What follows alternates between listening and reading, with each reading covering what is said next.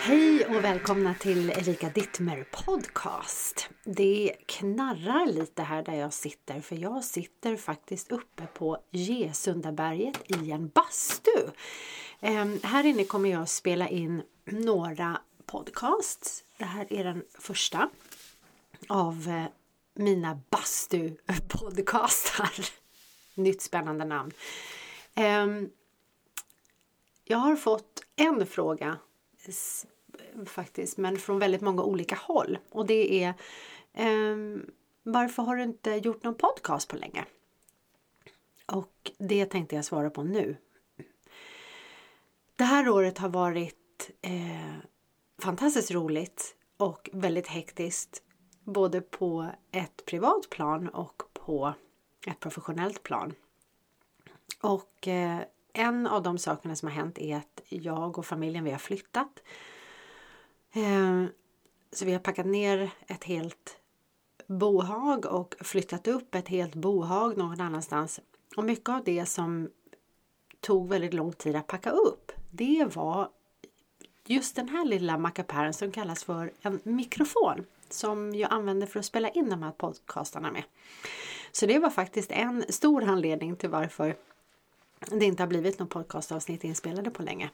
Um, den andra har varit att jag, eh, småbarnsmorsa som jag är, har varit i så full gång att många av de stunderna då jag haft för avsikt att spela in ett program så har ändå någonting annat inträffat. Något barn har drabbats av någon vinterkräksjuka och sen har det andra barnet drabbats av vinterkräksjuka och sen har det varit tvätt, tvätt, tvätt, tvätt, tvätt. Sådana saker som hör livet till. Men här är vi i alla fall.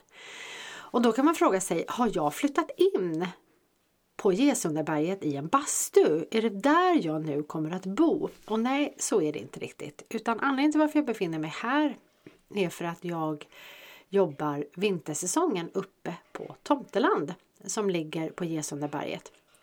Och för er som inte vet vad Tomteland är och i ärlighetens namn så ska jag erkänna att för mig var det också ganska diffust sådär innan jag väl kom hit. Det är där tomten bor. Han finns här på Gesundaberget, mitt på Tomteland. Det är fantastiskt. Och eh, här är jag och eh, jobbar, hjälper tomten med diverse uppdrag då under vintersäsongen fram till och med nyårsafton. Ja, ehm, så så är det. Jobbet här uppe det är ju utomhus, det är en utomhuspark. Och det är varierande temperaturer, eh, så kan vi säga. Men de är, det är ju vinter och det är snö och det är blåst och det är regnigt och det är mestadels kallt. Och vi uppträder ju och eh, med människor utomhus. Mm, så att det här med röst och röstvård är ständigt aktuellt faktiskt. För att kunna hålla rösten i, i form och i trim och att använda den på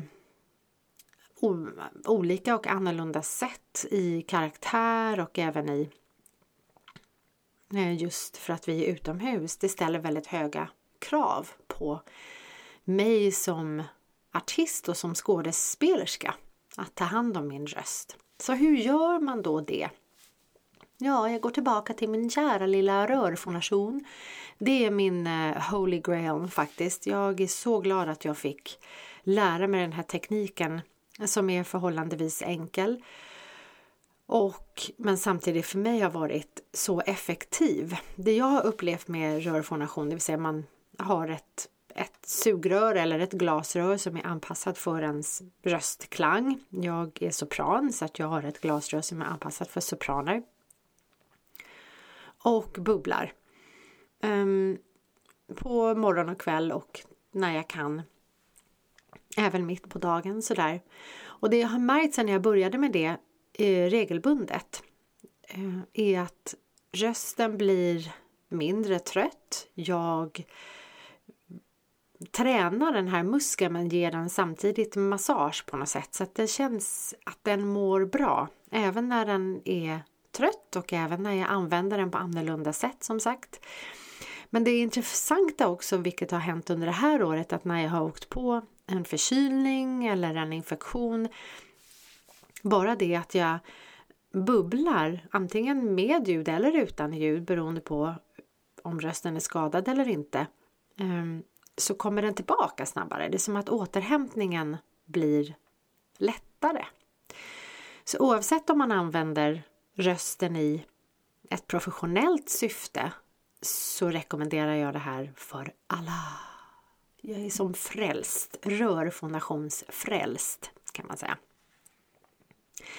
Eh, jag tänkte också nämna lite sådär, prata lite just om det här med att spela olika karaktärer och att gå ifrån att eh, både vara i tal i en karaktär och sen in i sång med samma karaktär till att nästa dag spela en annan karaktär med en helt annan röst. Eh, både röst i form av ja, hur man låter eller om det ska knarras eller hur, hur den här rösten nu än är.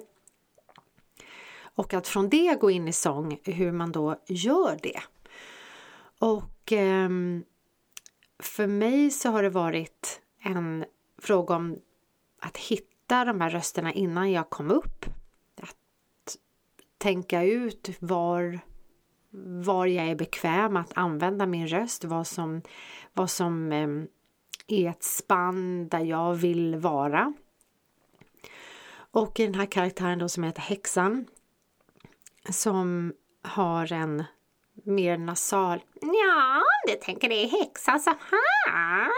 Eh, så har jag upptäckt att nu när resten har blivit van vid att ligga där de dagar jag då är häxan så är det som att jag mot slutet av dagen är en sån uppsjungen hög sopran att det känns som att jag skulle kunna sjunga höga arior. Um, nu har jag inte provat det så jag vet inte om det är sant men då hamnar jag där. Ja, det får eh, avsluta den här första bastupodden helt enkelt. Det kommer att bli några till som kommer att spelas in som sagt i den här bastun. Bland annat så har jag eh, lurat med en av mina vänner och kollegor som spelar också häxan faktiskt. Vi alternerar dagar. Ehm, så henne kommer jag lura, lura in här i den här bastun någon dag också. Så um, stay tuned! Nu kommer det poddar här så det bara visslar om det. Tjingeling! Hej då!